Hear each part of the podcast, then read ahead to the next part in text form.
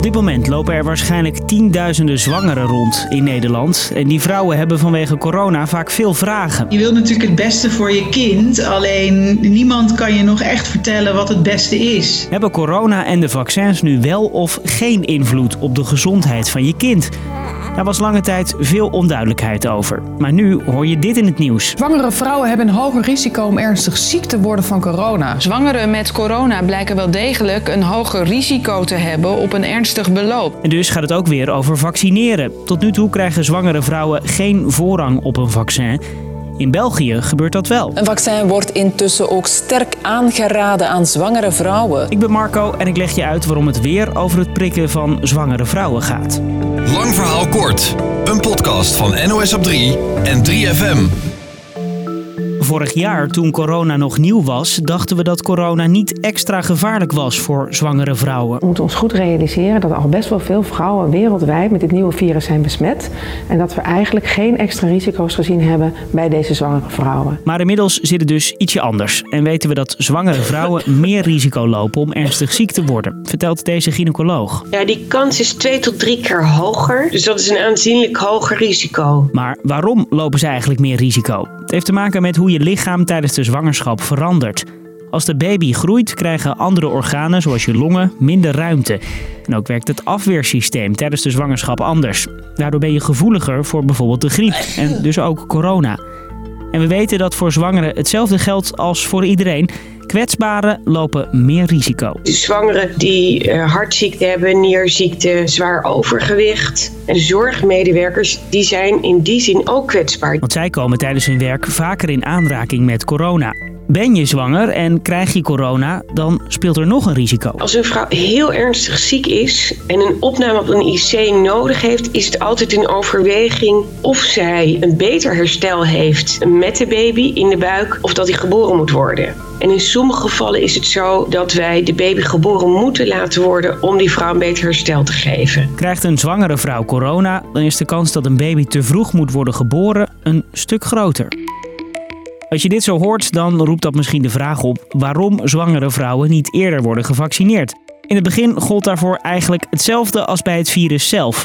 We wisten niet wat het effect was op zwangere vrouwen, vertelt deze hoogleraar. In de eerste studies naar de veiligheid en effectiviteit van de coronavaccins deden er geen zwangere vrouwen mee aan het onderzoek. Dit is heel gebruikelijk bij eerste onderzoeken. En dus was het advies: doe het niet. Maar er was wel een uitzondering. Zwangere vrouwen met onderliggende ziekten kunnen zich beter wel laten vaccineren. Dat zegt de Vereniging voor Gynaecologen. Inmiddels weten we een stuk meer over de voor- en nadelen van de vaccins bij zwangere vrouwen. Wij adviseren als wetenschappelijke vereniging alle zwangere vrouwen te vaccineren. Dat hebben we aangepast op de nieuwste data die er zijn.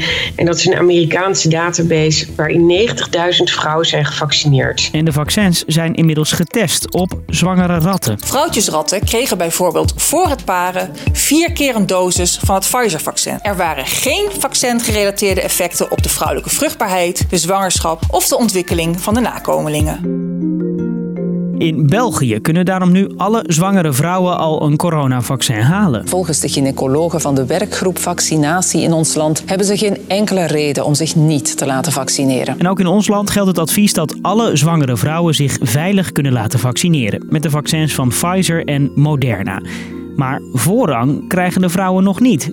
Dat is ook lastig, zegt deze viroloog. Ja, ik ben het er natuurlijk helemaal mee eens. Maar aan de andere kant zijn er zoveel groepen die voorrang moeten en willen hebben. Dat het lastig wordt. Die zwangere vrouwen is logisch. Maar ik kan nog wel tien andere groepen opnoemen. Want behalve zwangere vrouwen willen ook leraren, agenten, boa's, piloten en kwetsbare jongeren voorrang. Voorlopig moeten zwangere vrouwen dus nog even wachten. Maar het kabinet praat achter de schermen wel over voorrang voor deze groep. Dus, lang verhaal kort, over de gevolgen van corona en de vaccins bij zwangere vrouwen was lang veel onduidelijk, omdat we er gewoon nog heel weinig over wisten. Inmiddels is er meer onderzoek gedaan en weten we dat zwangere vrouwen meer risico lopen om ernstig ziek te worden van het virus. Van de vaccins en vooral die van Pfizer en Moderna zegt de wetenschap dat ze niet schadelijk zijn voor zwangeren. Dat was hem weer voor deze week. Fijn weekend. Vond je deze podcast interessant? In de 3FM-app vind je er nog veel meer. Zoals deze.